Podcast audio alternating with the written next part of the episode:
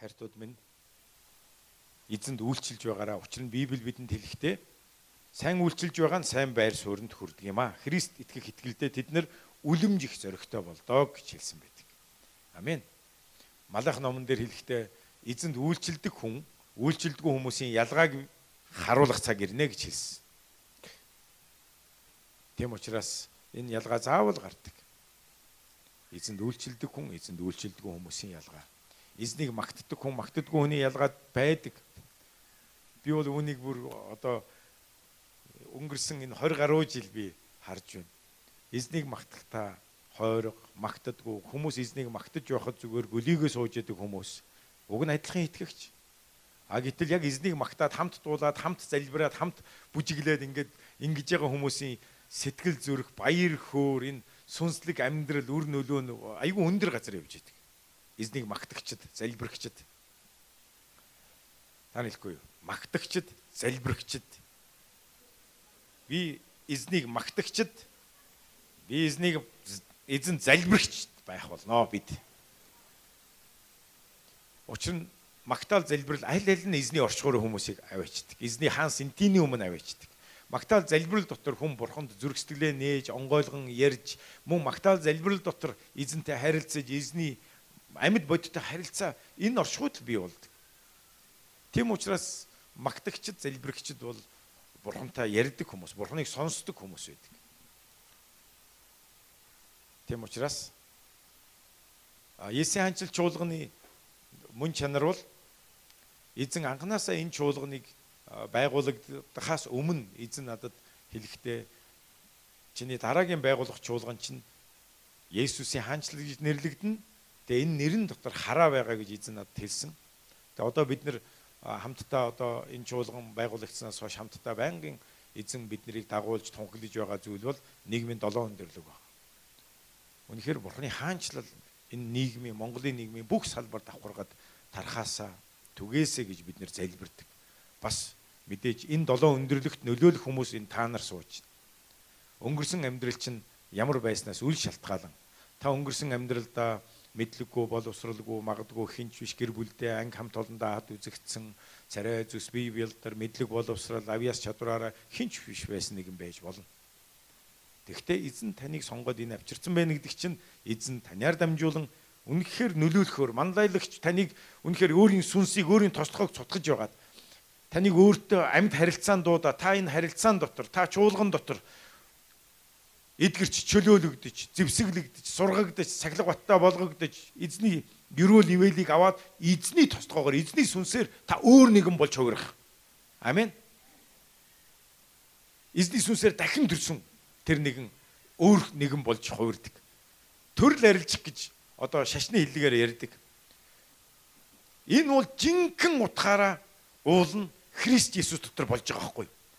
Хүн Христэд гимшиж өнгөрсөн амьдралдаа амьдрч байсан амьдрал зан чанар хандлага бодол санаа хэл яриа юу гэдэг тэр өнгөрсөн амьдралдаа үлдэж байсан эдгээр бүх зүйлстэй гимшиж энэ гим нүгэл байсан юм байна.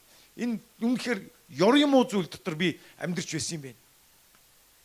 Гимшиж Христийг аврагчаа болгон итгэж баптизм үрдснээр та Христийн үхэлтэй холбогддог. Таны хуучин хүн төрлөх мэс чанар үхэд оршуулгддаг.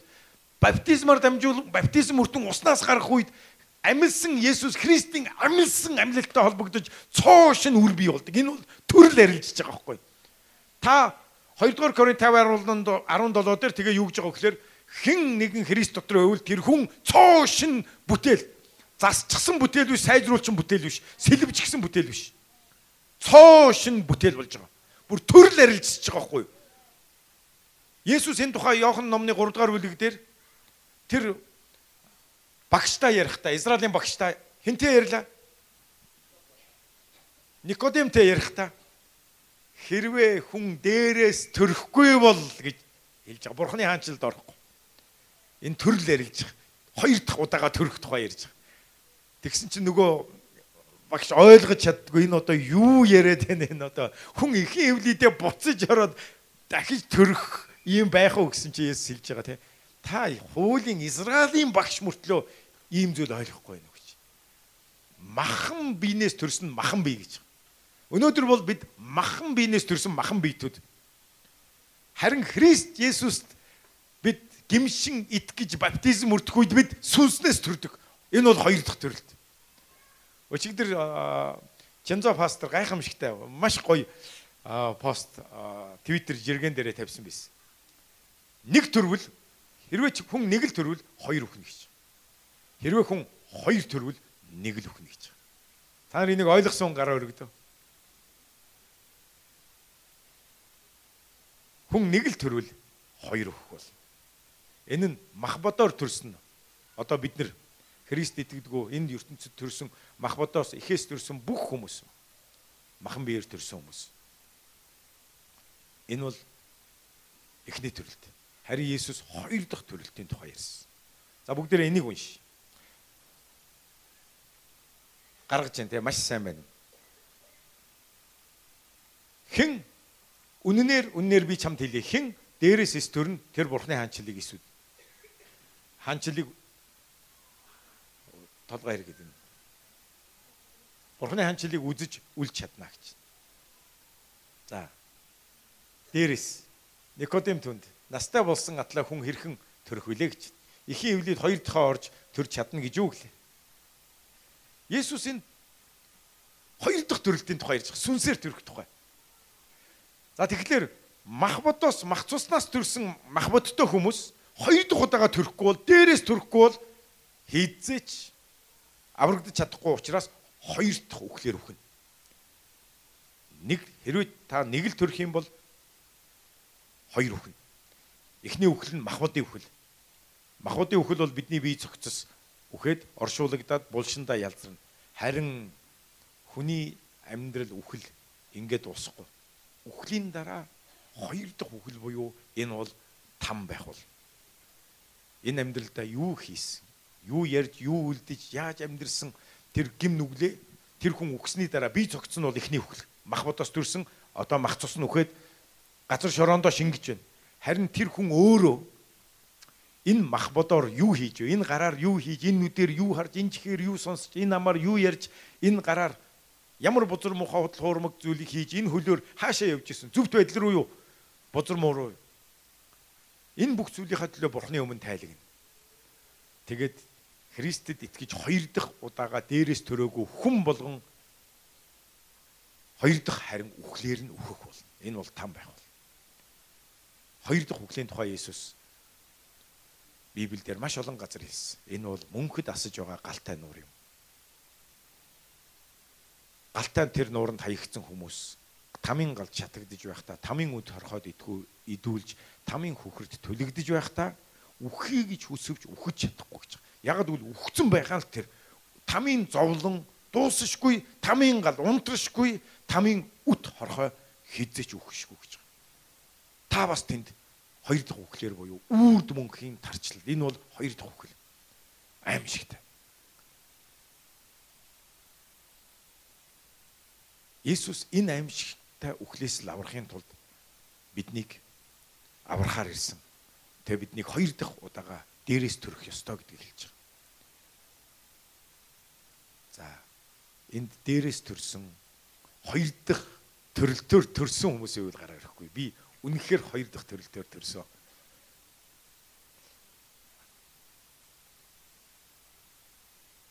Амен. Энэ чуулганы ихэнх хүмүүс хоёр дахь удаага төрсөн байгаад би талархъя. Тийм учраас та хоёр дахь үхлээр өгөхгүй юм аа. Халелуя.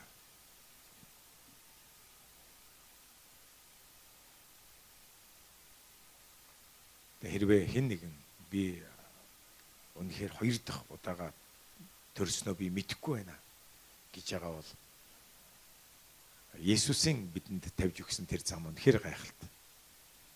Та өөрийгөө Бурхны өмнө гимтэн гэдгээ ухаан ойлгож хүлээн зөвшөөрч Есүсийг аврагчаа болгон зүрх сэтгэлээсээ дуудан итгэж түүний нэрэнд итгэж түүний загалмайн үхэл амьлалтанд итгэж та баптизм хүртэж нүглээ угаах үед гимт амьдралаа булчлан Есүсийг дагахаар, Есүсийнх болохоор аврагдахаар баптизм хүртэн шийдвэр гаргах үед энэ итгэлийн үйлсээр та зөвтгөгддөг юм аа. Амен. Халелуя. хамтдаа хэсэг хугацаанд эзний өмнө ирцгээе. Халелуя.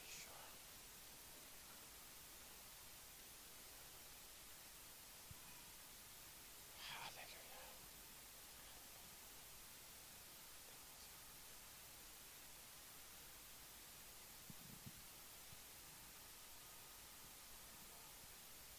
Халелуя. хаанчлалтай энийг оруулсан талархыг өнөөдөр таныг мэдхгүй. Хэн нэгэн хүн энд байхаа бол гим нүгэл дотор амьдарч байгаа. Тэр нэг байгаа бол тавуучилж чөлөөлж эдгийгээж авраач гэж залбирч. Таныг мэдэх нэгүслийг бурхан та тэр илчилтийг өгөөрэй гэж гуйж байна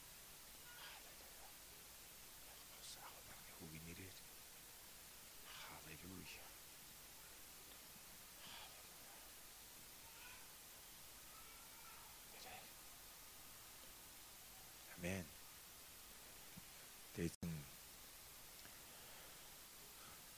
чуулганыг байгуулах үед тэр хаанчл гэдэг нэрийг өгч энэ чуулган залбирал магтаалын чуулган байх болно гэж хэлсэн. Амен. Одоо эргээд харахад эзэн гарцаагүй энэ чуулганыг залбирал ба магтаалын чуулган болгож байгааг болгочихсон байгааг бид нэр харж байна. анх чуулга эхлүүлж исэн хүмүүстэй би хэлж ирсэн. Энэ чуулган залбирал магтаалын чуулган болох болно гэж. Яг л ариун санаад хэлсэн. Залбирал магтаалын чуулган болох. Хаанчл гэж нэрлэл энэ нэрэнд хараа байгаа. Нийгмийн бүхий салбар бүхий л давхрахад бид нэр энэ бурхны хаанчлалыг тунхаглахын тулд Тэгээ зарим хүмүүс Есүсийн хаанчл гэдэг нэрийг сонсоод пэ үл итгэгч нар өөр энэ ямар сүрхийн аймар нэр вэ гэдэг Тэгээ зарим нь өөр нь итгэдэггүй хүмүүс бараг нөгөө сэрвж ин тэ Есүсийн хаанчлал гинүү бид нар бол нөгөө нэрлээ сурцсан болохоор нэг анзаарахгүй шүү дээ. Тэгтэл зарим үл итгэгч хүмүүс сонсохдоо нөгөө жоохон сэжгэлж шүү дээ. Есүсийн хаанчлал гинүү юу вэ? Тэгээ би хэлдэг байхгүй. Харин Есүсийн хаанчлал шиг сайхан юм алгаа. Библиэлд Есүсийн хаанчлал буюу Бурхны хаанчлал бол идэж явах өмсөх зүөх биш харин амар амгалан баяр баясгалан зөвхт байдал юм а гэж хэлсэн баг. Тэгэхээр ийм юм л Монголд хэрэгтэй байж тээ. Тэгэхээр дажгүй ч юм уу? Наа чи харин зүгээр ч юм уу гэд.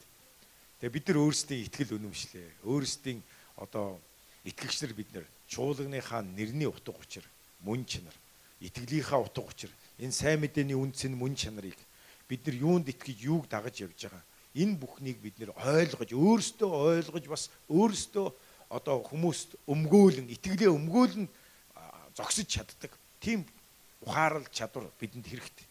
Жишээлбэл одоо та нар яга бүрээ үлээгээд байгаа юм бэ гэхэд одоо та нар хэлж чадах уу? Аа?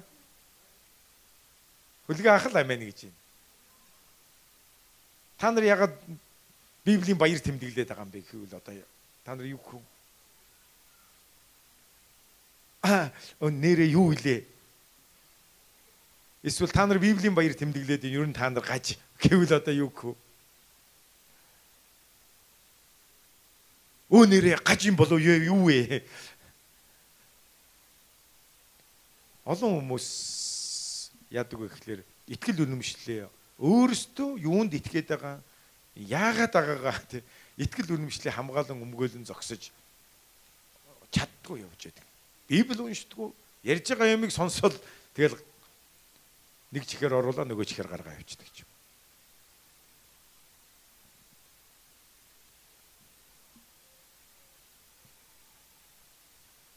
Бидний дахин дахин ярьж байгаа зүйлийг бичиж ав. Тимээс л бичиж ав. Амен. За бич бичиж авдаг хүмүүс нөгөө бичдэг зүйлээ өргөдөө та нар сургаал бичиж байгаа зүйлсээ. За Дэш өрг авчирсан хүмүүс өргөөрөө. Библиэ болон бичиж байгаа дэвтэр тэмдэглэдэг зүйлээ. Зүйлсээ өргөөр. За. Харьцангуй маш их хүмүүс тэмдэглэж байгааг би хараад маш их баяртай байна. Бид нар энийг хүмүүстэй маш их уриалдаг л да.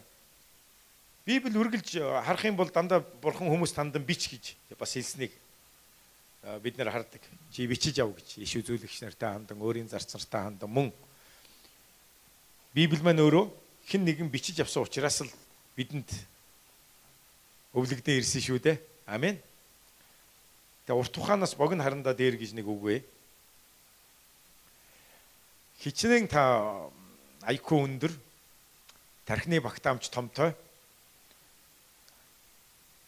магадгүй 2 3 дээд сургууль төгссөн тийм хүн байсан ч гэсэндээ яг үнэндээ бол бурхны үгийг та сонссоод мартахгүй байх гэж байхгүй. Ягд гэхлээр муу сүнс ямар ч айкуу өндөр тий мэдлэг боловсралтай гэж байгаа хүний зүрхнээс нь зүрхнээс нь бурхны үгийг та тэр хүн сонсож үр жимсийн нургуулж ухаарахгүй тулд Сургаал сонссол гарч явж явах замд нь л барыг хулгайлдаг.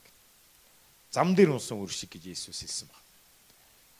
Тэгэд эргээгээд мартчихдаг. Сандгүй. Тэгээд нэг эмоц сэтгэл хөдлөлийн төвшөнд нэг тухайн үед сургаал сонсож явахдаа нэг хальт уйлна, баг зэрэг уйлна, баг зэрэг баярлна. Тэ? Баг зэрэг дуулна, баг зэрэг бүжгэлчээ гараа явчихтаа тэгээ мартчихдаг. Харин бичиж авч байгаа хүмүүс мартсан ч эргээгээд нөгөө Библиэс өгөөд эргээгээд нөгөө дэвтрээс өгөхөд тэмдэглэсэн зүйлээ ингээд хараад залбираа дахиад жингээг авчдаг. Сатан хулгаалсан ч буцаад нөгөөдхөө яаж вэ? Битсэн зүйлсээс оройн очоод маргааш нь үргэлжлүүлэн танд хандан эзний өдөр хэлэгдсэн, эсийн бүлгэрч хэлэгдсэн, сүм чуулган конференц чуулгануудаар дамжуулан хэлэгдсэн а библийн одоо ямар нэгэн хичээлээр хэлэгдсэн эсвэл библи уншиж байх үед чинь танд хэлэгдсэн зүйлийг бичиж авсан тэр зүйлсээ эргээгээд хулгайлуулсан ч дахиад зүрхэндээ оруулцдаг. Бясалгаал бодоол. Тэгээ ингэж үр жимс ургадаг.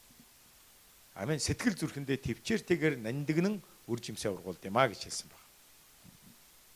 Тэгээ би нөгөө бас төрөл арилжих тухайд бүр дахин төрөх тухай тий. Үнэхээр бид нэр Христ дотор бүр мөсөн өөрчлөгдчихсэн байдаг. Есүст үнэн сэтгэлээсээ Есүст итгэн баптизм хүртсэн хүмүүс гараа өргөдөө. За өндөрт өргөөрэй. За болно. За та нар бол баптизм хүртснээрээ би бурхны үгийг өөрчлөх юм уу өөрийнхөө бодлоор тайлбарлах надад ирэх байхгүй учраас Библи юу гэж вэ? Хэн итгэж баптизм хүртэн тэр аврагдах болно гэж Библиэлд хэлсэн үг байдаг. Мөн баптизмын талаар тэр баптизм хүртсэн хүн баптизмаар дамжуулан Христтэй хамт оршуулгадж баптизмаар дамжуулан Христтэй хамт амьлуулагддаг гэж Библи өөрөө хэлж байгаа учраас би баптизмгүйгээр Христ итгэсэн ч гэсэндээ чи итгэлээрээ одоо баптизмгүйгээр аврагдсан дахин төрсөн гэж би бас жоохон ингэж өөрчилмөөргүй байна. Тий. Итгэл чухал. Гэхдээ энэ итгэл чинь та шийдвэр гаргаж баптизм хүртснээрээ итгэл чинь бодиттой үйлстэй болж байгаа.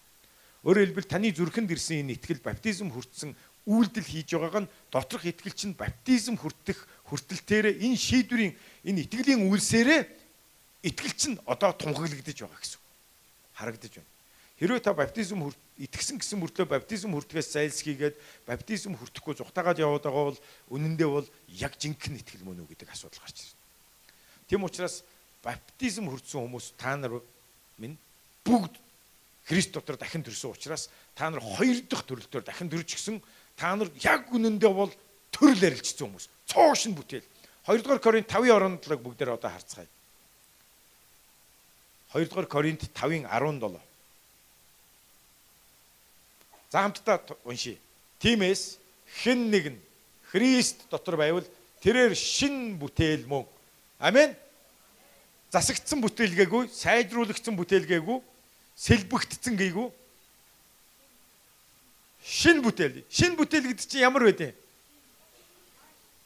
Шоошин, шоошин гэж. Цоошин. Амен. Шин бүтээл бол цоошин бүтээлийг хэлдэг. Хоёр дахь төрөлтөөр төрчихсөн. Дээрээс төрсэн тэр хүнийг хэлээд байгаа. Эхнийх нь бол махбодоос төрсэн хүн чинь байна.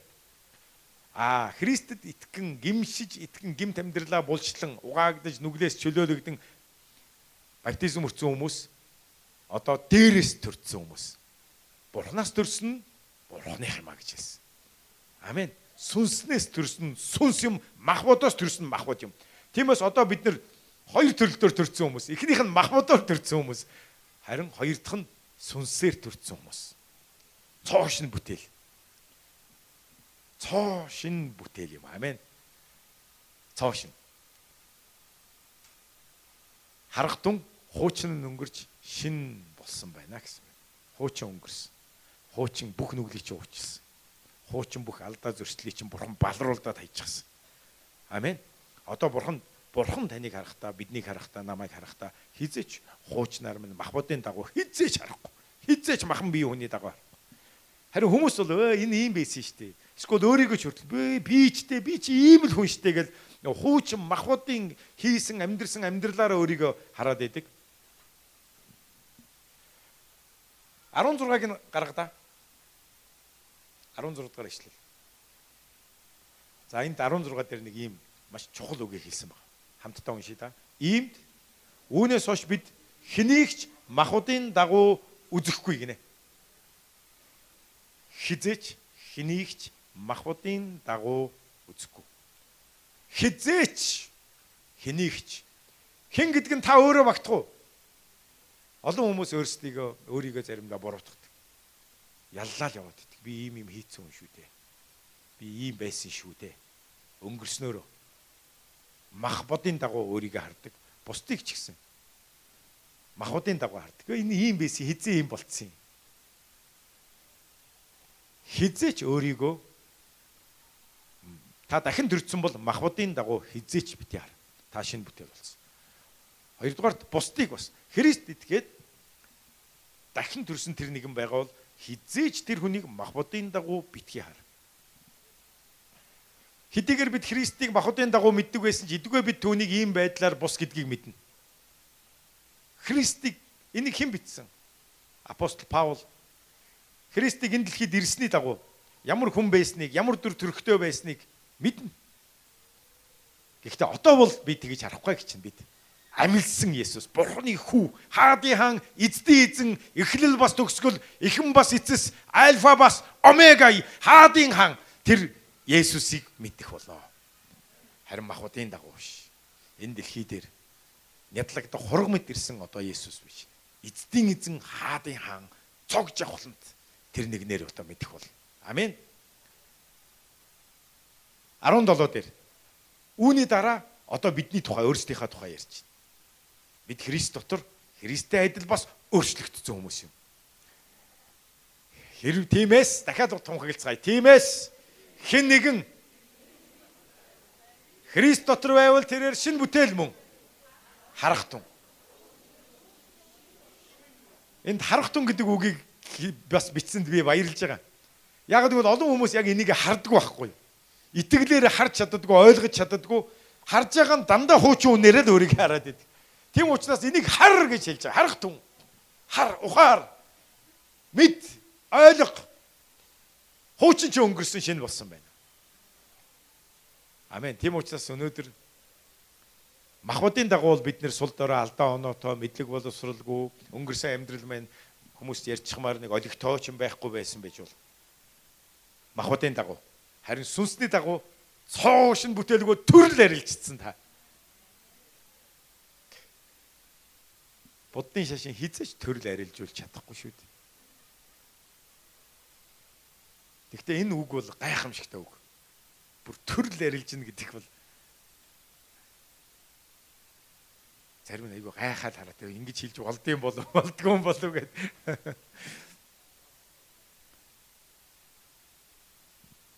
Шашин үргэлж бурхныхыг хуулах гэж оролддог. Хуулбарлах гэж оролддог. Уг нь бурхны дотор Христ дотор хүн төрөл арилж дахин төрдөг. Гэтэл бусад шашин бас дүүрэж оо чи цоошин болноо төрөл арилжуулах гад ингэж оролдож дүүрэж байгаа юм. Гэхдээ жинхэнэ шин болгодог нь Христ Есүс дотор юм. Шашин бол үргэлж хуулбарладаг. Шашин өргөл авдаг. Гэтэл үнэндээ бол бурхны дотор л энэ бүх өргөл золиосыг өгөх ёстой гэдгийг хамгийн дээд нэгэнд тэр бүтээгч эзэндээ өргөлүүдийг авчрах ёстой гэсэн. Тэгтэл шашнууд өргөлийг хуамдаг. Дүүрэж. Авралын тухай ярина, тамийн тухай ярина, Диважингийн тухай ярина, дүүрэж. Тэгтээ үнэндээ бол аварч чадахгүй. Сатан бол худалч, хулгайч, хуурамч, дуурайгч тэр бол бүтээх чадвар байхгүй. Харин үргэлж хулбарлаж тэгтээ буруу хандлага, буруу зорилгоор бурхны үгийг мушгин гүйүүлж хүмүүсийг төөрөлдүүлэхийн тулд энэ бүхнийг хийдэг зүйл байна.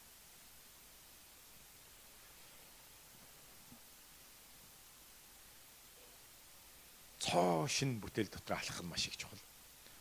Тэгээд хүмүүс ингэж бодож иж магадгүй. Гэхдээ тэгээ цоош нь болсон гэсэн мөртлөө яг гэвэл би өөрөө бас энийг чинь энэ дотор чинь амьдрч үдсэн учраас цоош нь болцсон гэд сүнс минь баярлаа зүрх минь баярлаад ингээд байдаг. Гэтэл амьдрал дээрээ Нөгөө нэг хуучин зан чанараа гаргаад идэг. Нөгөө нөгөө хуучин дурсамж маань байнга зовоогоод идэг.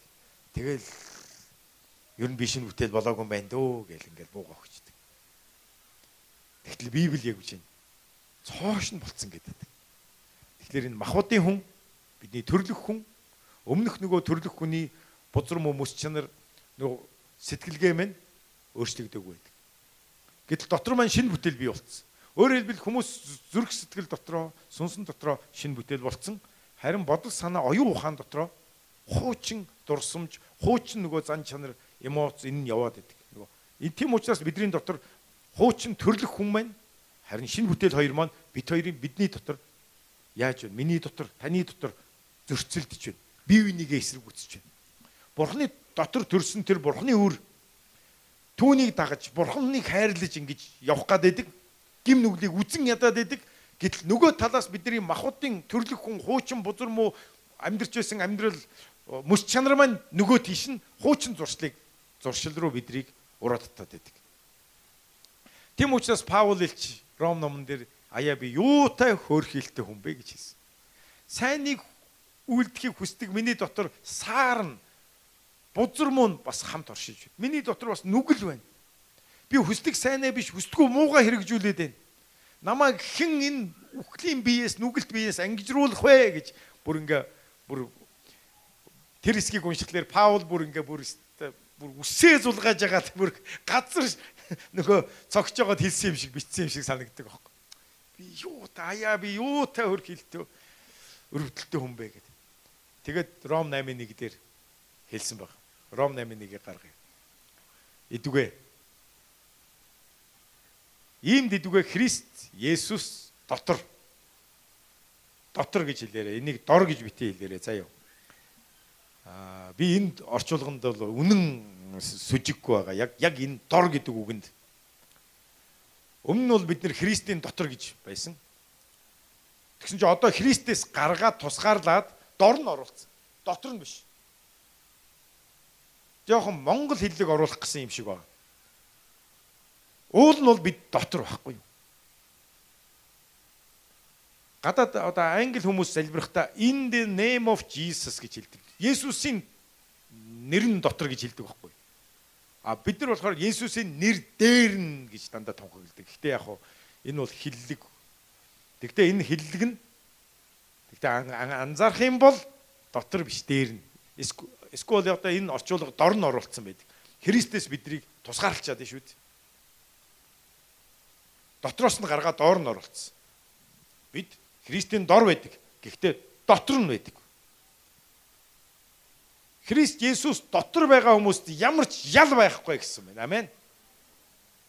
Яг тэгвэл та дахин төрчихсөн цоошин бүтээл Бурхны ариун үр учраас тэр ариун үр нүгэл үлдэх чадваргүй. Гэтэл би ягаад нүгэл үлдээд байгаа? Ягаад би хараал зүгэл тавиад ягаад би бүдрээд байгаа тэгвэл мах будын хүн чинь хуучин төрлөх хүн чинь хүсдэг шинэ бүтээлийн чи эсрэг зүйлийг хийлгүүлээд байна. Бидний дотор асуудал зөрчил бий болж байна. Тэгэхдээ Христ Есүс дотор байгаа бол танд ял шийтгэл байхгүй. Амен. Та хизээч там руу явахгүй. Христ дотор дахин төрсөн л бол махбодын улмаас та заримдаа алдаж бүдэрч гим нүгэлд ундагч гэсэндээ яг үнэндээ бол зүрх сэтгэл яг дахин төрсэн бүтээлч нь тэр хийсэн гим нүгэлдээ үнэн сэтгэлээсээ шандан гашуудаж байдаг. Бурхны өмнө гимшиж байдаг. Тэгээ бурхан үүнийг харахтаа үнэхээр тэр гимшлийг харахтаа уучлалт. Харин таны дотор гим нүгэл хийчгээд гимшигчгүй гимшиг сэтэлчгүй харин хийсэн тэр бузар муугаараа сайрхан бахархсан ийм зүйл байгаа бол та уучлаараа Христийнх биш байна гэсэн үг. Та дахин төрөөгүй байна гэсэн үг. Дахин төрсөн ямар ч шин бүтээл гим нүгэл хийчгээд шаналхгүй байна гэж байдаг юм аа. Тэм учраас л Паул илч би юутай хөрхилтэй хүн бэ гэж гаслаж байгаа. Зүвт баймаар нь тэгтэл хүсээгүй мууга хэрэгжүүлчихдэг. Тэгээд эндээ нөгөө цэвэр дахин төрсөн тэр хүний хувьд бурхны үрийн хувьд гашуудж штий шаналаад байна. Та үнэхээр бурхны зөвд хүн мөн үү? Яаж мэдэх вэ? Огт нүгэлгүй амьдарч байгаагаар юу? Уучлаарай. Огт нүгэлгүй хүн гэж байхгүй. Бид нар гимтийн хүмүүс. Гэхдээ мэдээж Христ дотор бид нар маш олон нүглүүдээс чөлөөлөгдөн процесс дотор хариуцах хэвдэж явж байгаа. Өнөөдөр та нар анх Иесуст ирсэн тэр мөчөөс маш их өөрчлөгдсөн байгаа. Яг л та дахин төрсөн учраас та энэ процесс ариусгал дотор үргэлжлүүлэн алхаж чөлөөлөгдсөөр байна. Та эх жил Христтэй хамт үргэлжлүүлэн хамт явах юм бол энэ жил улам өөр болно.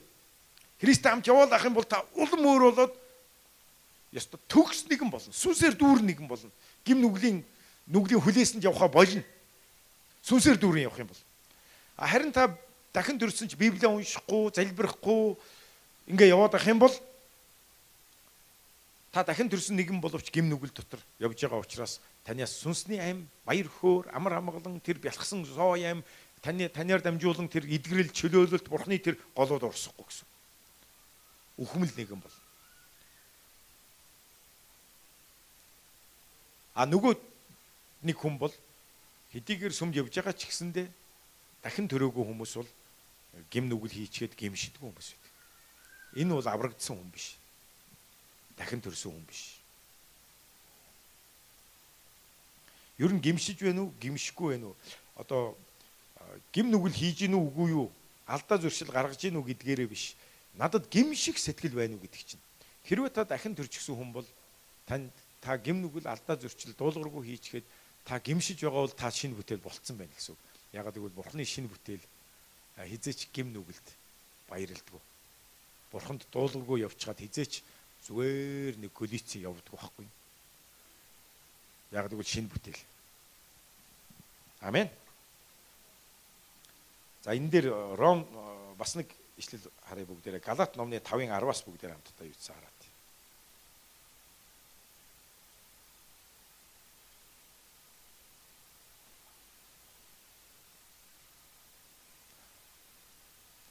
Аруу хоёрыг гарга та. Галат. За 16 гаргая. За эндээс хамтдаа харъя.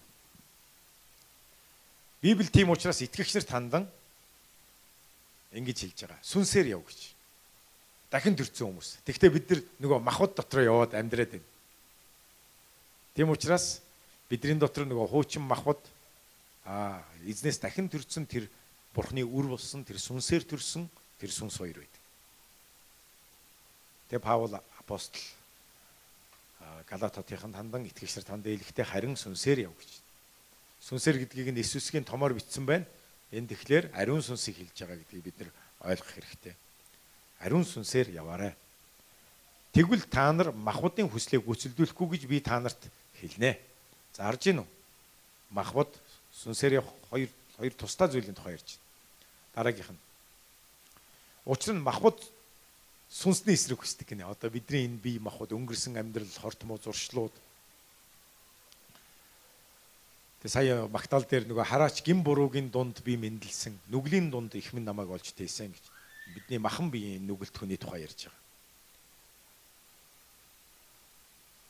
Сүнс махуудын эсрэг хүсдэг юм а гэж. Бурхны сүнс. Махуудын эсрэг. Махуудын хүсэл юу илээ гэдгийг одоо харна. Махууд юу хүсдэг юм бэ? Тэгэхээр энэ дээр хоёр хүсэл байгааз нэг нь сүнсний хүслийн тухай ярьж байна. Нөгөөх нь махуудын хүсэл байна. Тэгээ сүнс нь махуудын эсрэг хүсдэг гэж. Тэгэхээр махуудад өөрийн гэсэн хүсэл байгаа бас. Юм гэвээс хүссэн юмсыг чинь хийлэхгүй тулд махбод сүнс нэг нэгнээ эсэргүүцдэг ажээ. За одоо эндээс маш тодорхой байж. Махбод чинь нөгөө гим нүгэл зугаа цингэл энэ завхайрал энэ уур хилэн атажито бузар шунлаа ингээ хүсэж яхад ариун сүнс болохоор энэний эсрэг хайрлахыг, уучлахыг, твчхийг, өрөөхийг, өгөхийг өөр юу гэдэм бусад бүх тэр христийн үг сургаалын дагуу биднийг амьдруулахаар бид нарыг ятгах байдаг. А махуд нь болохоор үний эсрэг. Тэгээ нэг нэгнийг эсэргүүцдэг. Энэ эсэргүүцэл дайн бидний дотор таны дотор болдог өдөр болгон. Тийм биз дээ. Өдөр болгон бидний дотор бодол санаанд минь зүрх сэтгэлд минь дайн.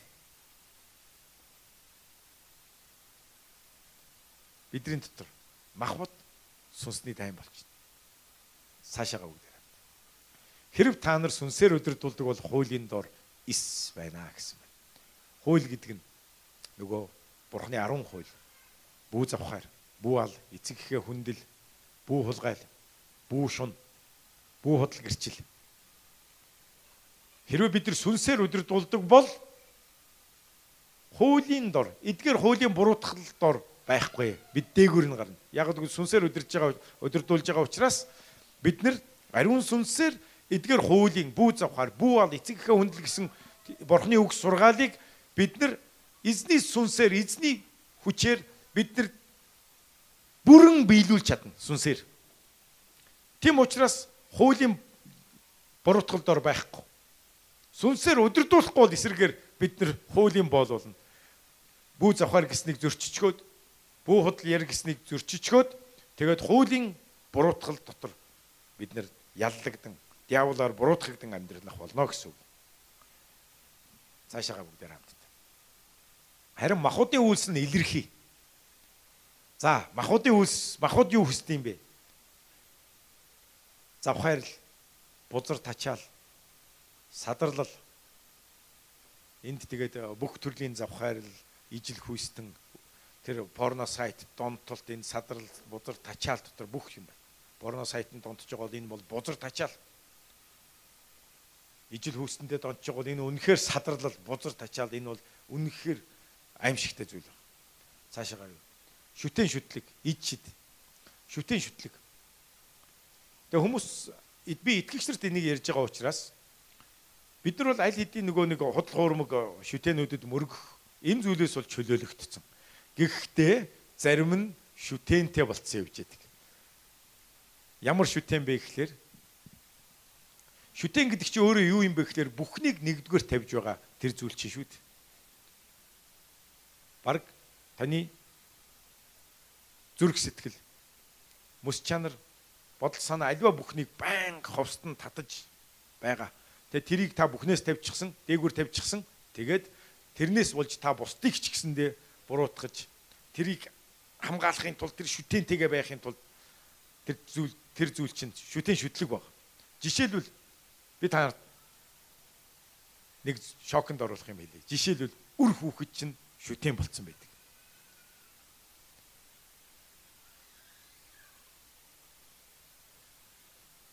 Бурхан үнэхээр шүтэнд дург. Заримдаа үр хүүхэдтэй болонгуудаа үр хүүхдүүдийнхаа төлөө арай тэр нөгөө улаан шугамаас хязгаарлалтыг давдаг бүх зүйл дээр хүүхдүүдээ өмгөөлж бурууч байсан өмгөөлж хүүхэд нь бурууч байсан гэсэн өөр хүмүүстэй хэрэлдэж маргалдаж тэр хүр хүүхдүүдээ ямар ч хэр халдаахгүй зүгээр л мөргөж ийн юрдөөсөө шүтэн болцсон. Зарим нь аа миний бааста бурхан гэж хил ам нь орооцолдоод нэгсэн болгоны нүг нь юу шаардсны нүг нь тэр нь бурууч вэ зөвч вэ юрдөөсөө шаардсан имийг л үгнэ. Энэ л шүтэнийг уурлуулж болохгүй. Энэ л шүтэнийг шүтэнд гар хөрж болохгүй. Буруу юм хийжсэн ч хүүхдээ засахгүй, саглагжуулахгүй, зэмлэхгүй. Ээ энэ шүтэний гомдоочвол ёстой болохгүй. Тэгээ нөгөөтг нь яг шүтэн болцсон байдаг. Яа гэл амаа нэг ингэхэд л зүгээр уулахаараа айлгаж унгахаараа цочоогоо л явж яадаг болцсон байдаг.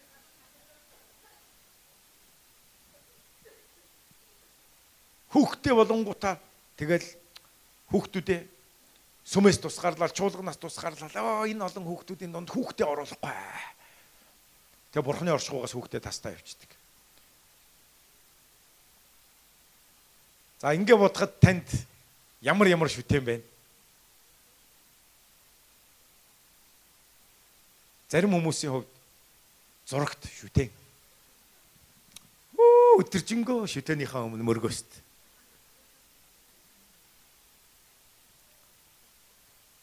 Хэн нэгэн өөр юм үзэхлээр уурлал, алалцал, хэрэлдээл үрдээс.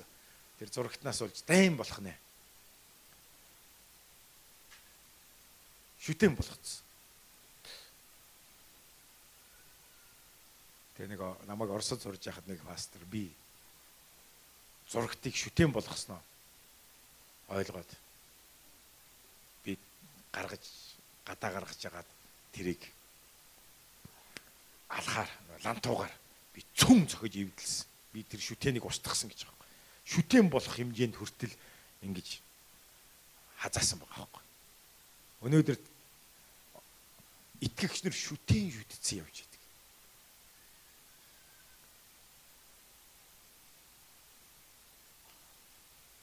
тийм учраас хэн нэгэн хүн бол бидний шүтэн биш. Хэн нэгэн эд зүйл, ямар нэгэн эд зүйл бидний шүтэн биш. Хитэн шүтэн байх ёсгүй бид үр хүүхдүүдэд жишээлбэл буруу юм хийхэд сахилгажуулдаг байх хэрэгтэй. Буруу зүйлд нь бид нэр тэр сахилгажуулалтын саваа модоор бид нэр зэмлэх хэрэгтэй. Тэгэхгүй бол бид үр хүүхдүүдэд шүтэн болгох үед эргээгээ тэр таныг таны амьдралыг сүрүүлэх болно. Эргээгээ тэр буруу эрхэлсэн хүүхэд тэр шүтэн болчихсон хүүхэд нийгэмд гарах үед бүх юмыг өөрийнхөөрөө байлгах гэж оролдоно.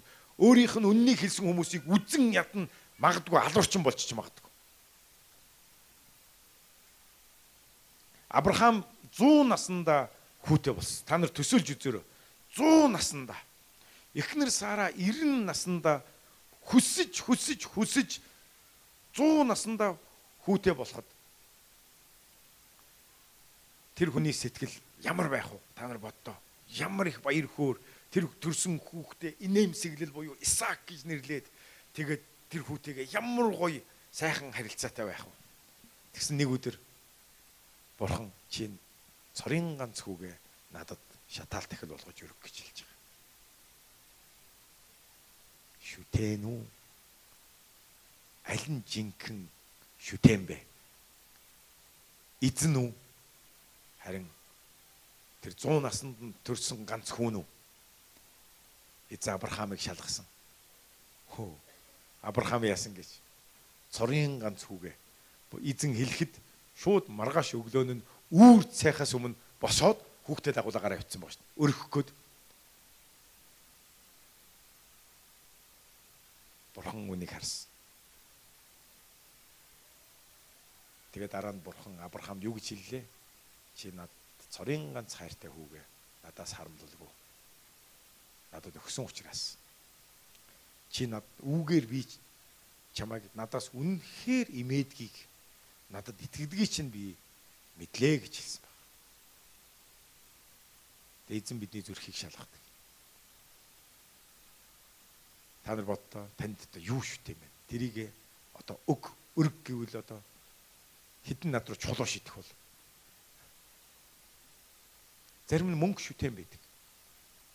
Нэр шүү. Одоо цагт бол мөнгө ердөөсөө шүтэн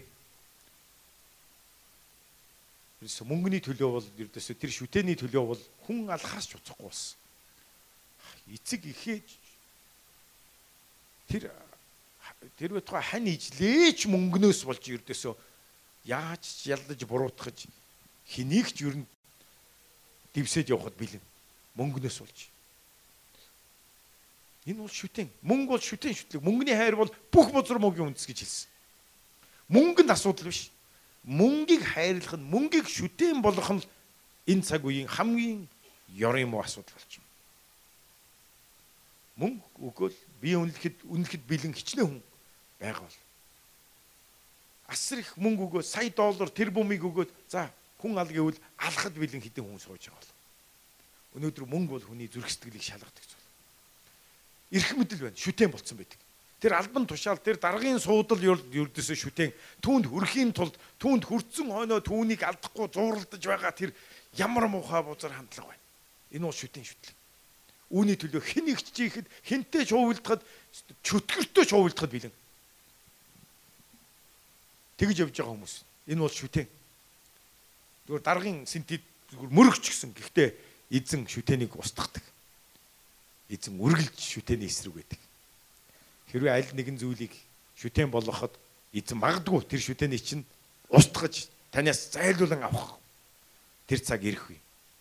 Тэм учраас шүтэн шүтлэгээс танд ямар нэгэн шүтэн шүтлэг байна уу гэдгийг бид нэр шалгаж үзэх хэрэгтэй. тэр бүх шүтэнүүдийг устгаж зайлуулгаарай.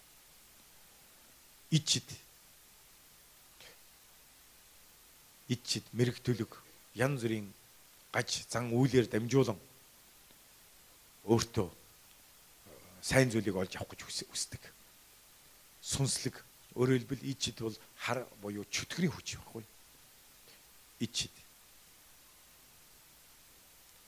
Дайсагнал, маргаан, хардалт, уур хилэн, харгалдаан, хагарал, тэрс үзэл дараагийн ишлэл. Атаархал, архиталт, утга учиргүй нэргэд сэнгэх зэрэг юм. Би нь та нарт сануулж байсанчлан урдчлан сануулъя. Ийм зүйлийг үлдэгчт нь Бурхны хаанчлалыг өвлөхгүй гэж хэлсэн. Дараагийн ишлэлийг хамтаар. Тэгэхээр Бурхны хаанчлалд орохыг хүсэж байгаа хүмүүс байна уу? Эдгэр зүйлийг битгий үлдээрэй гэж хэлсэн. Тийм учраас үлдэхгүй тулд яах вэ? Сүнсээр явах хэрэгтэй болчихно. Гэтэл бидний дотор энд бичигдсэн бүх зүйл болоод байдаг. Байдаг үстэй. Та нар гараа өргөдөө би ганцаараа тийм юм уу? Бидний дотор эдгээр энэ зүйлүүд байж идэг. Энэ мах бод бид нар махнаас мах бодоос төрсөн мах бод. Тэгээ бидний дотор энэ нэг л мэдхэд шүтэн шүтцэн явж идэг. Нэг л мэдхэд бид нар гэсэн нэг л мэдхэд ердөөсөө ингээд бүр өмнөх зуршил маань тэр зарим нь Христ итгээд ч дахин төрөөд ч нөгөө зуршил дотроо ингээд яваад идэг. Өөртөө идэгдчих гисэн. Тэгвэл дахин төрсөн хүн тэгэл гимшээл тэгэл тийгээд идэг. Харин дахин төрөөгөө бол гимшигчгүй. Харин дахин төрсөн хүн бол гимшин. Тэгтээ нөгөөдгөө хийгээ яваад байдаг. Ялгаа. Тэм учраас Паул сүнсээр яваараа гэсэн. Харин сүнсний үр жимсэн. Ариун сүнсээр дүүрэн явбал үр жимсэн ариун сүнсээр дүүрэн байгаагийг тань. Ариун сүнстэй нөхөрлөж харилцаан дотор ариун сүнсний бэлхал дотор явж байгаагийн чинь үр жимсэн юу вэ? Үр дүн нь юу вэ? Гэвэл та сүнсээр яваад байвал ариун сүнстэй нөхөрлөөж яваад байвал Амен. Өдөр болгон цаг үргэлж ариун сүнсээр дүүрэн магтаал залбирал дотор бурхны өмнө ирээд алдах үед онох үед бушуухан шиг бурхны оршихуйд очиж шууд залбираад эргээгээд гимшин эзний ариун сүсийг ураад дахиад хичээгээд зөвдгөн 7 бүдрүүч 8 босно. Нэг алдлаа, хоёр алдлаа, гурав алдлаа тэгсэн ч тэр тохиолдол болгонд бурхны өмнө гимшин ариун сүснээс хүчийг гуйж дахин зан чанар хандлага өөрчилж, бодол санаагаа өөрчилж, асуудлаа шийдэн Ингээл унсанч босоод яваад байх юм бол эцэстээ үр жимсэн хайр хамтдаа хэлцгээе. Хайр, баяр баясгалан, амар тайван, төвчээр, инрэл, сайн сэтгэл, итгэмж, дүлгөөн зан өөрийгөө захирах юм. Тийм. Эдгэр эсрэг хууль байхгүй.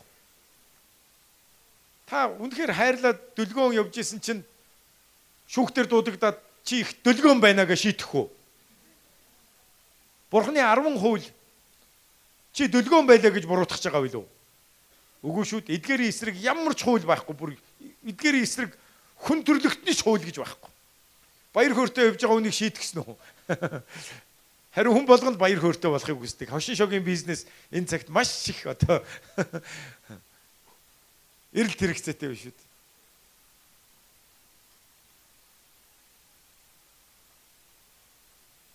Тэгээ бид нэр ариун сүнсээр явах. Тэгээ цаашаа хамтдаа харъя 24 дээр их чухал зүйлс байна. Аа. Христ Есүс тамаатай хүмүүс байна уу? Христ Есүс тамаатай хүмүүс өөрсдийн мах бодыг бузар хүсэл тачаалын хамт загалмайд цовдлсон ажээ гэсэн. Христ Есүс тамаатай хүмүүс.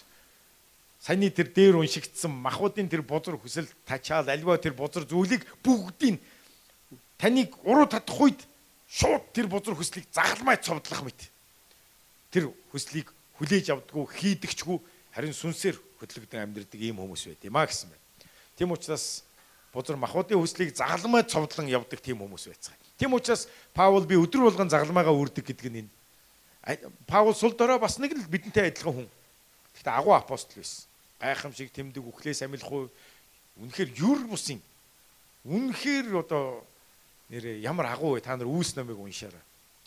Үнэхээр агуу илч хүн. Тэгээ Паул энэ илч би өдөр болгон үхдэг гэдэг нь махбодын тэр хүсэл ориглох үед тэр махбодын хүслийг загалмай цовдлон үхүүлж тэр хүслийг зайлгуулan загламайгаа өөрөн ариун сүсээр дүүрэн явдаг. Өөрөөр хэлбэл өдөр болгон үхдэг гэдэг нь махбодын тэр хүслийг өхүүлдэг гэсэн үг. Амен. Тэгээ бид нар өдөр болгон үхэж үнэхээр сурах хэрэгтэй байна. Өдөр болгон үхэж амьдрах. Энэ бол бидний Христ рүү очих хүртэл тэмцэл. Амен. Христ рүү очих хүртэл. Анх би Христээр ирж явахдаа бол үнэхээр маш их тийм ялдарсан миний Христ Библи уншиж байгаад итгэсэн шалтгаанч тэр. Есүс амьдралын эмчин байна гэдгийг ухаарад би зүрх сэтгэл оюун ухаан бодол санаанда амьдралдаа эдгэрлийг авахын тулд би Есүст итгэж ирсэн. Яг гэвэл надад эдгэрэх шаардлагатай асар олон сэтгэлийн сэтгцийн зүрх сэтгэлийн бас бодол санааны маш их ялдарсан тийм бозромоо зүйл байсан. Зүгээр л явж явахтаа л ердөөсөө дандаа муу мухай юм бодож төлөвлөж явдаг хүмүүсийн эсрэг. Сайхан амьдрий гэж бодохдоо хизээч сайхан ажил хий гэж хизээч би боддгоо байсан. Яаж хүн алахгүй дээрэм хийх үү? Яаж баригдахгүй банк авах уу гэж л бодож явдаг. Тэгэд үүнийгээ дандаа бодол дотроо төсөөлж явдаг үдсэн одоо нөгөө кинонуудаараа банк ухаж байгаа дээрэмж байгаа тэр кинонуудаа дотроо боловсруулаад ингээл явдаг. Эсвэл нэг сайхан бүсгүй харагдвал завхаа бодол ургуулan бодоод ингээ явж идэг. Ердөөс ингээд ялзарцсан. За Христээр ирээд миний эхний 2 жил энэ бузар муу бодлоотойгоо тэмцэх аим шиг та тэмцэл байсан.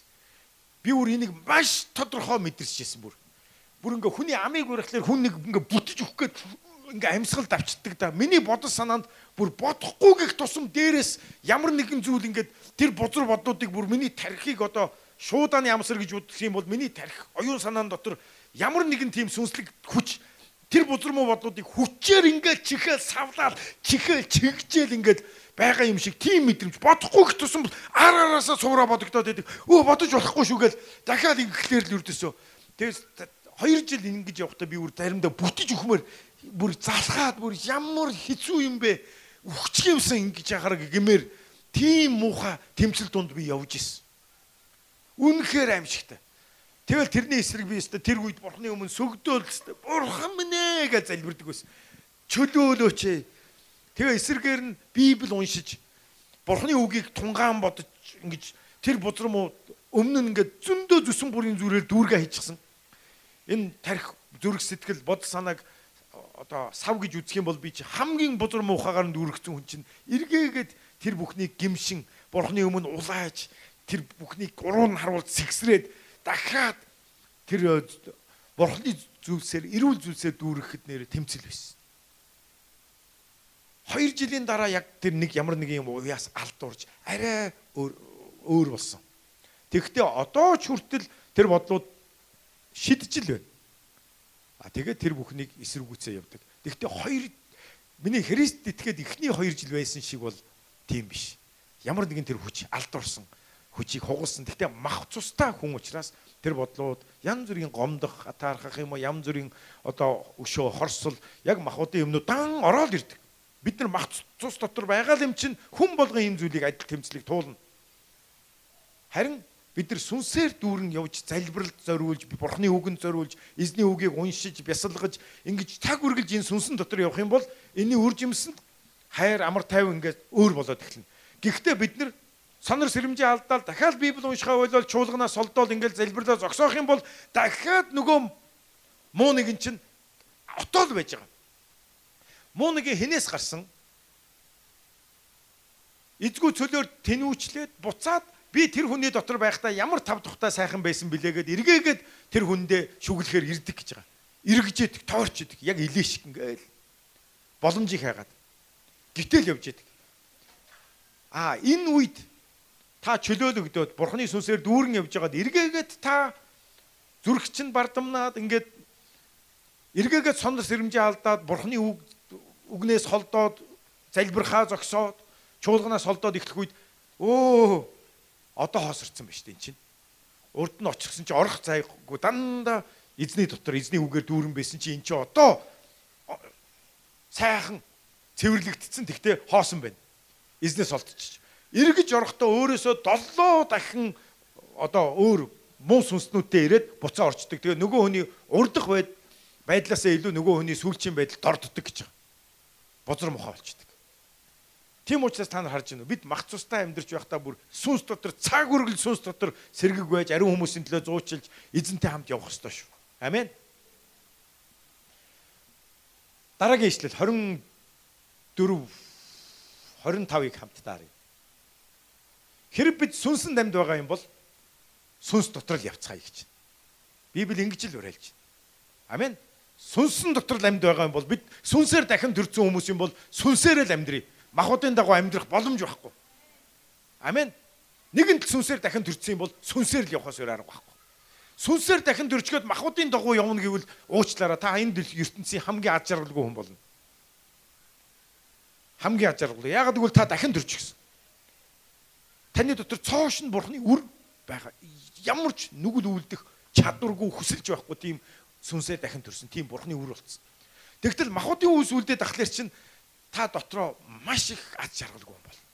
Яг гэвэл таны дотор байгаа тэр ариун үр шаналдаг, тарчилдаг тэр бурхны дотор төрсэн шин бүтээл зовгон ашгардаг тэр нүглээс болж. Тийм учраас энэ дэлхийн хамгийн аз жаргалгүй хүн бол итгэдэггүй хүмүүс биш. Тэднээс ч илүү аз жаргалгүй хүн бол дахин төрсөн мөртлөө бурхны үгийг дагахгүй амьдарч байгаа хүмүүс бол хамгийн аз жаргалгүй цөхөрцөн хүмүүс байдаг. Яг уу тэр үхлээ гэхэд дахин төрсөн учраас магадгүй деважин руу явж магадгүй. Дахин төрсөн учраас. Гэтэ дахин төрсөн үгүйг яаж мэдэх вэ? Одоо тийм хүмүүсийн хувьд. Үнэхээр дахин төрсөн бол деважин руу явах. Тэгтээ деважин руу явах хүртлээр энэ дэлхий дээр их тарчилж амьдран да их цөхөрж амьдрна. Заримдаа итгэгч нар тийм байдаг. Гим нүгэл дотор амьдарч байгаа хүмүүсийг харах юм бол үнэхээр ач жаргалгүй баяр хөөргөө бүр цөхөрцөн явж идэг. Хажууд нь харин тэр итгэдэггүй хүн арх уусандаа жаргал явж байгаа тий. Тэгтээ мэдээж тэр хүн өхвөл там руу явна мэдээж. Харин дахин төрцөн хүн деважин руу явтлаа энэ дэлхий дээр их зовонд. Дараагийн ишлэл сүүлчийн ишлэлийг харъя. Бид нэг нэгнээ өдөөн сүрж өөр зураа атаархан сайрахгүй байцгаая гэсэн байна. Амен. Энэ махан биеийн хүсэл юм байдаг. За хамтдаа сүнсээр л явцгаая. Халелуя. Халелуя.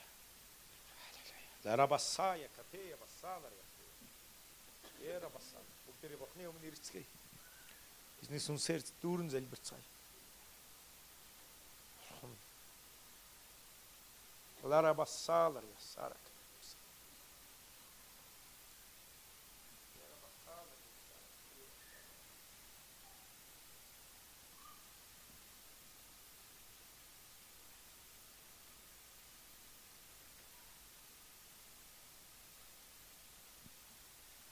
Гимших ёстой хүмүүс. Зүрх сэтгэлээсээ гимшиж ухаарал. Чөлөөлөгдөр. Бурхан руу ирээр ирэх чөлөөрөө тэмүүлэр шин бүтээл дотор алхахаар шийд. Хэрвээ хэн нэгэн хүн хараахан бурханыг мдээгүй явж байгаа бол тэр хүн ухаарч диаволын өрх торноос чөлөөлөгдөж хараалаас ерөөл рүү харанхугаас гэрэл рүү бурханы амь руу ирээсэ гэж би гуйж залбирч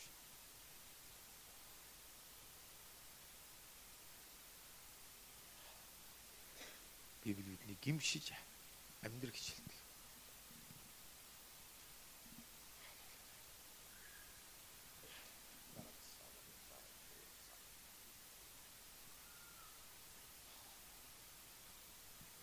Хэрвээ хэн нэгэн хүн үнэхээр анх удаага Христээр ирсэн Христийг бас хараахан таньж мэдэж аврагдаж амжаагүй байгаа хүн байгаа бол үнэхээр Есүс тань маш их хайртай гэдгийг ойлгож таны төлөө Бурхны хөө амиа өгсөн Тэгэхээр бүх өнгөрсөн амьдралдаа хийсэн алдаа зөрчил гин бурууга тэр хандлагын хил яриа бодол санааны зүрхэндээ тачаатсан тэр хормоо бүх бузар нүглүүдээ бурхны өмнө хүүгийн өмнө гимшиж итгэж Христийг аврагч эзнээ болгон хүлээж авч гим нүглээ угаач шинэ амьдрал руу баптизм хүртэн шинэ амьдрал руу орохоор шийдвэр гаргаарай. Халелуя. Иешуагийн нэрээр эзэн минь. Та биднийг чөлөөлөхөөр ирсэн. та өөрийнхөө хөвгүүд октоодыг хэр та авраач чөлөөлөөч бузар мозуршлаас хорт мозуршлаас мах бодын бузар шунал хүсэл тачаалуудаас бурхан минь ээ. Бидний сонс сэтгэл зүрхийг бурханы өмнө цэвэр сав болгож өгөөрэй гэж гуйж хариусгаж өгөөрэй гэж гуйж нэг үслээрээ бэлхааж өгөөрэй сүнсээр дүүр бурханы амиар бялхсан хүмүүс болгож өгөөрэй ийж байгаа 5779 он энэ шин цаг үлрэлт сүнслэг энэ үлрэлт эзэм нь бурхан минь биднийг шинчилж өгөөч. Цоошин тулан байлгаж өгөөч. Цоошин тулан болгож. Цоошин ариун сүнсний цоошин дарсыг бэлхааж өгөөрэй гэж гуйж. Бидний сүнс сэтгэл зүрх оюун ухаан бодол санаа бидний бие организм хүртэл өөрөө цоошин тулан болоосоо гэж гуйж ялгуусаа бурхны хүү бурхны хүүгийн нэрээр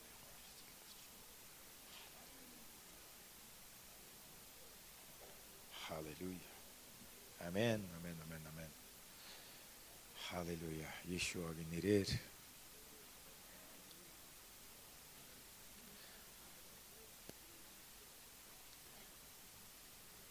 За шинэ бүтээл дотор алхах тухай би нэг жишээ ярив. Миний амьдралд болсон зүйл. Юу вэ гэхээр би 2 дугаар Коринт 5:18-ыг бүгдээр эхлээ гаргая да. 10 17 16 17 хоёрыг цуг гаргачих бүгдээрээ.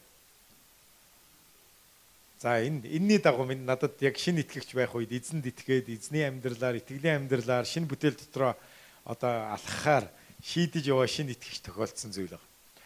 За энэ дээр хэлсэн байна тийм үү? Иймд бид үүнээс хойш хэнийгч махуудын дагуу үзэхгүй. Хэнийгч гэдэг нь би ч өөрөө орно. Биний өнгөрсөн амьдрал би хэн байсан хамаа байхгүй. Би шинэ бүтээл болсон. Би өөрийгөө махуудын дагуу үзэхгүй Хэдийгээр бид Христийг махбодын дагуу мэддэг байсан ч тийм ээ түүнийг тийм байдлаар бус гэдгийг одоо бид мэднэ. Тэр бол эзэн байсан. Аа тиймээс хэн нэгэн Христ дотор байвал тэр шинэ бүтээл мөн гинэ. Бүр мөн гэсэн байна. Амен. Шинэ бүтээл мөн. Харах тун хуучин өнгөр шинэ болсон байна гэсэн. За дараа нь би шинэ итгэгч байхдаа л ерөнхийдөө чуулганд үйлчилж пастор болон илгээгдсэн дархан руу Тэгээд илгээгдсэн газартаа миний төрсөн хотолтой жижигхэн штэ зархан бие бинийг андахгүй. Тэгээд тех тусмаа дархны цагдаа шүүхийнх нь бүгдээрээ л намайг мэднэ. Аа тэгээд бүгд ихэнх нь мэдэн дээ. За тэгээд дархандаа буцаж төрлөх хоттой илгээгдэж очлоо. Пастор болоод очлоо. Тэг их нэртэйгээ хурмаа хийлээ тархандаа. За шин талбар, шинэ газар нөгөө хуучин нөхөр чинь цоошин болоод одоо төрлөх хоттой сайн мэдээ тунхаглаж хотынхныгоо сайн мэдээнд уриалах гэж нөгөө гимт хэрэгтэн он саюултай гимт хэрэгтэн байж олон удаа мушгигдэж мөрдөгдөж мөрдөнд хоригдож цагдаа нараар бүр намайг Монгол даяар 7 сар ирэн хайж байсан. Одоо ийм нэг гимт хэрэгтэн залуу буцаад ингээд бүү хулгайл бүү худал яар гэж очихоор очиж штэ нөгөө дээрэмчин байсан хүн чинь. Бурхан нэрээ үнэхээр сонирхолтой юм хийдэгтэй бидний амьдралд би хоттой бол үнэхээр үнэхээр аимшигтай дээрэм хийдэг байсан та нар бодолтой намайг манай хотод эзэн олдохгүй те олдоогүй одоо өхөн амны хэрэг ч юм уу хүчингийн хэрэг ч юм уу дээрмийн хэрэг гарах үед хамгийн түрүүнд нөгөө эзнийг олохын тулд цагдаа нар чинь одоо эрүүгийнх нь ажиллана штэ. Тэг хамгийн түрүүнд сэжиглэх сэжиглдэг магадлалтай хүн гэж үзэгддэг хүний тоонд би байдаг учраас хаяа ингээл гэртээ байж яхаар цагдаа нар орж ирэл барайл гавл аваа явчихна. Олон удаа би тэгж ирсэн. Тэгэл за хэрэгэ хүлээч гээд. Гэхдээ би яатсан юм бэ? За чил мэдхгүй гэж битээ маяглаад агараа чи гээл. Тэгэл хүмүүс авчирсан. За энэ хүн биз дээ. Тэгээ нөгөө хүмүүс нараад өө энэ хүн биш ээ Тэгээ намайг биш байсан дууралж байгаа гэж яста. Чи зайл чи дараа нь дуудсан цаг дээрээ чийл биш байв гэж тэгэл тэгдэг байсан хүн шүүд. Тэгсэн чинь одоо хоттоо сайн мэдээ тараагаад хайр маяр ярихаар очиж штэ. Бурхны хайр, Есүс танд хайртай, зав хайрч болохгүй гэд би тэг бүү худал ярмаар гээд оо ёо. Тэгэл очиж штэ. Тэг хурмаа хийлээ.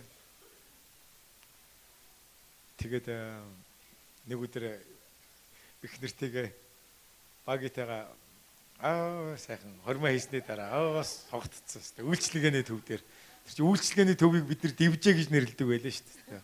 Бүх хил дивжээнийхэн чинь тэнд байгаа юм чи. Аа цоош нь бүтээл явлаа.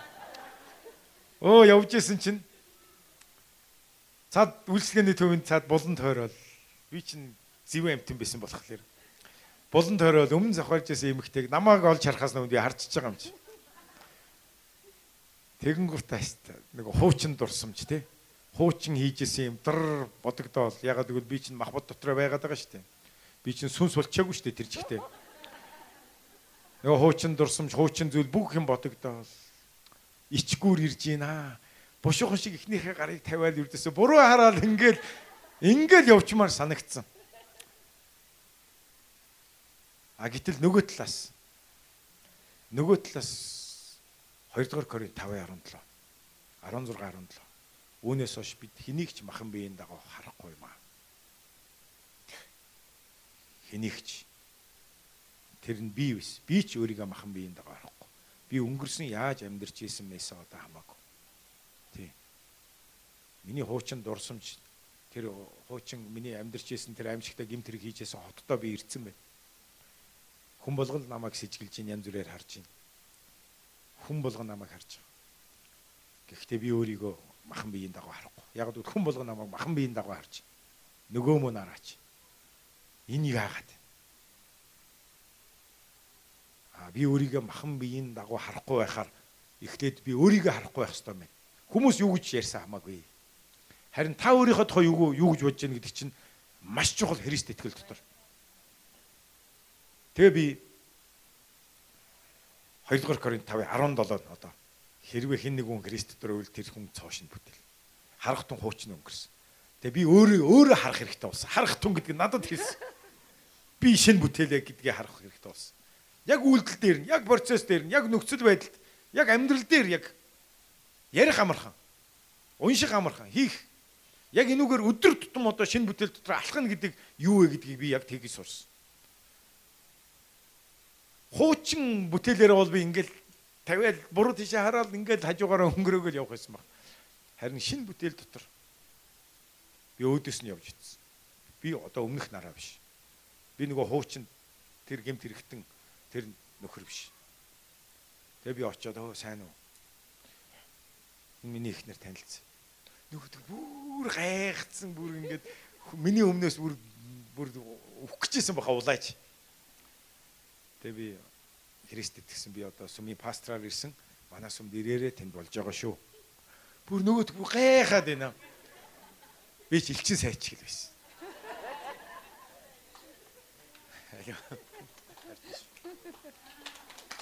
Намаг бас шин бүтээлээр харж надтай гэрэлсэн шүд. Намаг шоронгийн муу хоригдлгээгүй муу аимшигтай хөнгөөгүй Харин намайг цоо шин бүтээл дотор бурхны хүү гэж надтай гэрэлсэн юм. За 18-ыг харъя.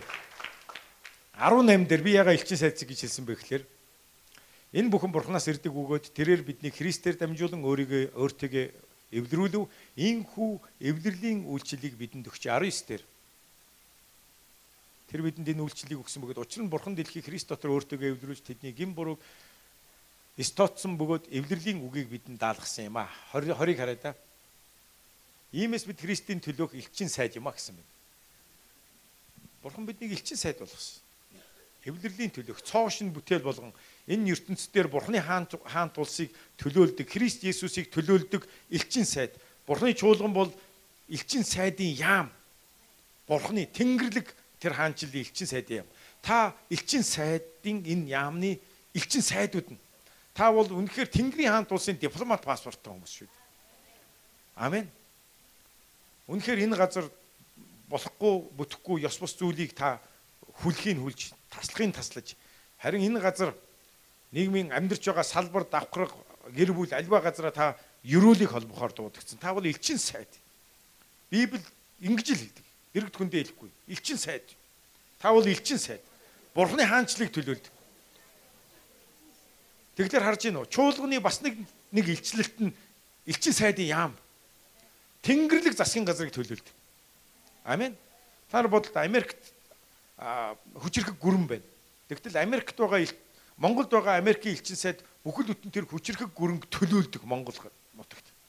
Амен. Төлөөлдөг. Хэрвээ тэр элчин сайдын руу хууль бус нэвтрүүл яг Америкийн газар нутагт халтсан мэт. Тэр элчин сайдад хүрэх юм бол энэ бол үнэхээр аюултай зүйл байх бол. Тэгээ тэр элчин сайдын яам юу хийдэг? Улс үндэстний хил, соёл, урлаг тэр бодлогыг танилцуулж идэг. Тэгээ тэр Америкт очих нэвтрэх визийг олгож байдаг. Тэгээ бид нар элчин сайдын яамаар виз аваад Америк руу очдөг үстэй. Тэгээ болохгүй с ิจ гтэй хүмүүсийг бас нэвтрүүлэхгүй. Яг л үүнтэй адилхан чуулган гэдэг бол Тэнгэрийн улс руу хэнийг нэвтрүүлэх үү гэдэг тэр визийг олгож байгаа хүмүүс. Бидний сайн мэдээ. Та хүмүүс сайн мэдээ тарааж тэр хүмүүс гимшиж итгэсэн хүмүүс таны сайн мэдээгээр дамжуулан Тэнгэрийн улс руу тэр хаанчлал руу нэвтрэх тэр тикетийг тэр дипломат паспортыг авна гэсэн. Амен. Элчин сайд шиг би утсан. Сайн уу гэл. Би тэр нэг хоёр элчин сайд шиг байсан баг. Тэр бүр бүр гайхаад бүр гэлцэн.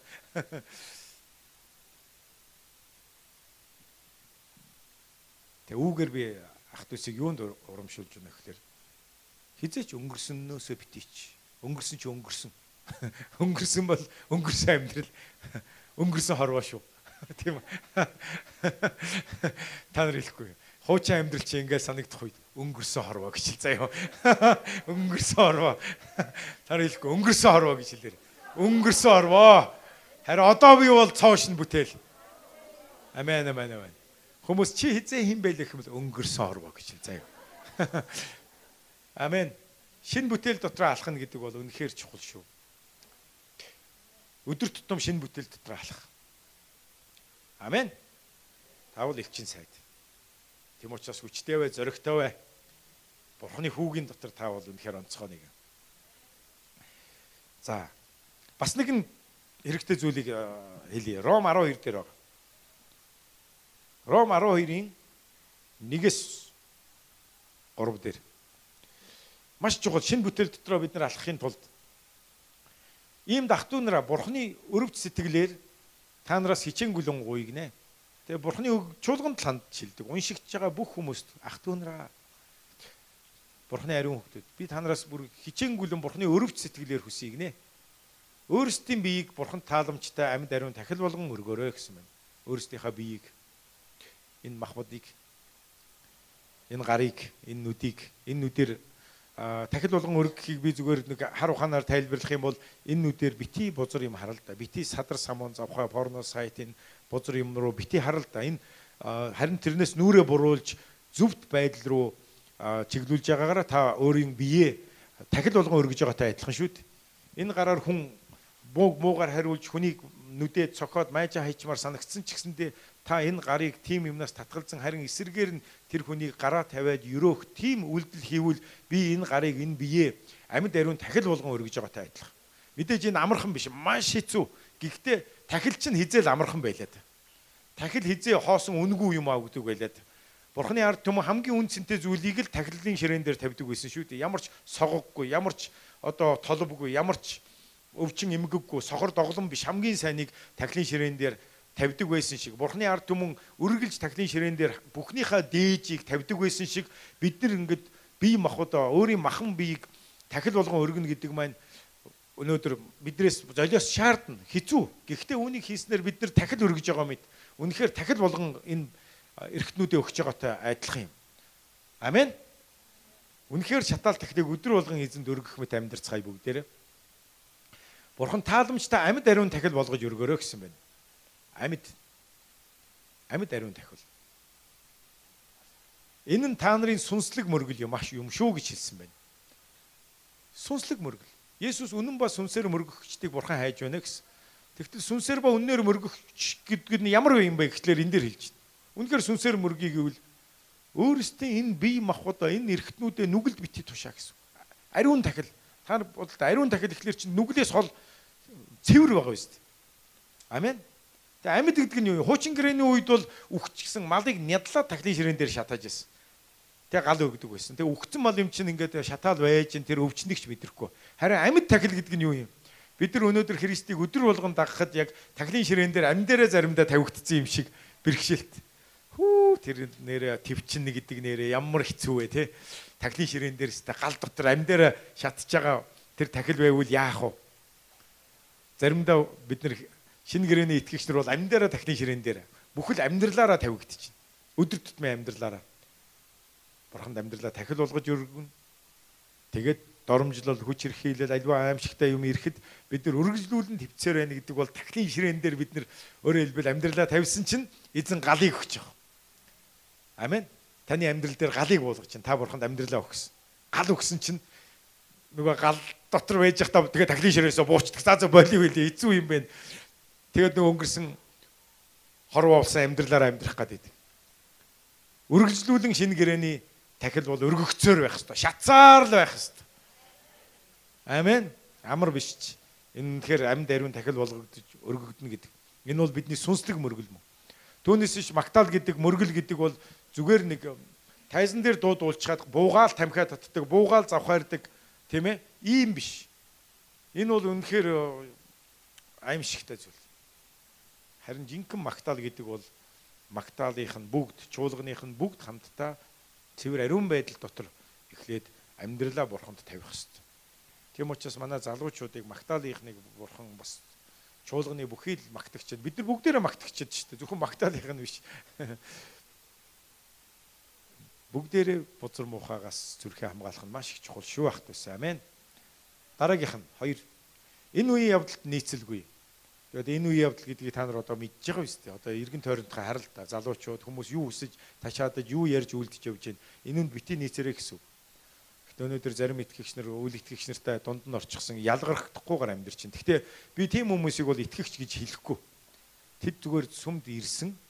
Яг хоо Есүсийг мэдэх гэж хичээж байгаа. Гэхдээ яг дахин төрсэн хүмүүс бол биш. Ягаад гэвэл энэ үеийн явдалд нийцүүлж явж байгаа хүн бол зарим хүмүүс тэгдэж штэ. Чи Есүст итгэх юм уу гэхээр би итгэвч байсан юм аа гэж ярьдаг. Итгэвч байж байгаад итгэдэггүй болно гэдэг зүйл бол ердөөсөө байж болохгүй зүйл шүү дээ. Жинхэнэ итгэл бол хизээч итгэхэ болохгүй шүү дээ. Одоо жишээлбэл та нар одоо нар мандах гэдэг пастрыг мэднэ манай сүмийнх. Та нар бүр итгэдэг бас мэддэг тийм үү? За тэгсэн чинь та нарт хүмүүс үрж ирээд нар мандах гэдэг хүн байдгүй маа үлгэр томог гэвэл та нар тэр хүнийг солиотой гэж бодно шүү дээ би тэр нар мандахыг чи мэднэ. Би сүмд нь явдаг. Би бүр номлын сонсдог. Би бүр тэ? Бүгдийг мэднэ. Одоо э, хэрвээ хин нэгэн хүн нар мандах гэж хүн байдгүй юм гэсэн чи гид эргэлзэл. Нэрээ энэ бүтэн сайнны суглаан дээр хэн зааж яасан болоо гэж ийм юм байх уу? Нэг бол тэр өвчтөн хүн байна. Эрүүл биш хүн байна. Есүст итгэж байгаа болцсон гинэ. Тийм юм байхгүй шүү дээ анханасаа л итгээгүй л байхгүй юу? Яг сүмд ирж исэн байж бол Тийм учраас Бурхны хүмүүс бол энэ үеийн явдал нийцэхгүй. Харин оюун санааныхаа шинтгэлээр өөрчлөгдөж байх тун гэсэн байна. За энэ тараа өмнөх орчуулган дээр зүрх сэтгэл гэсэн. Одоо энэ орчуулган дээр бол зассан оюун санаа гэсэн.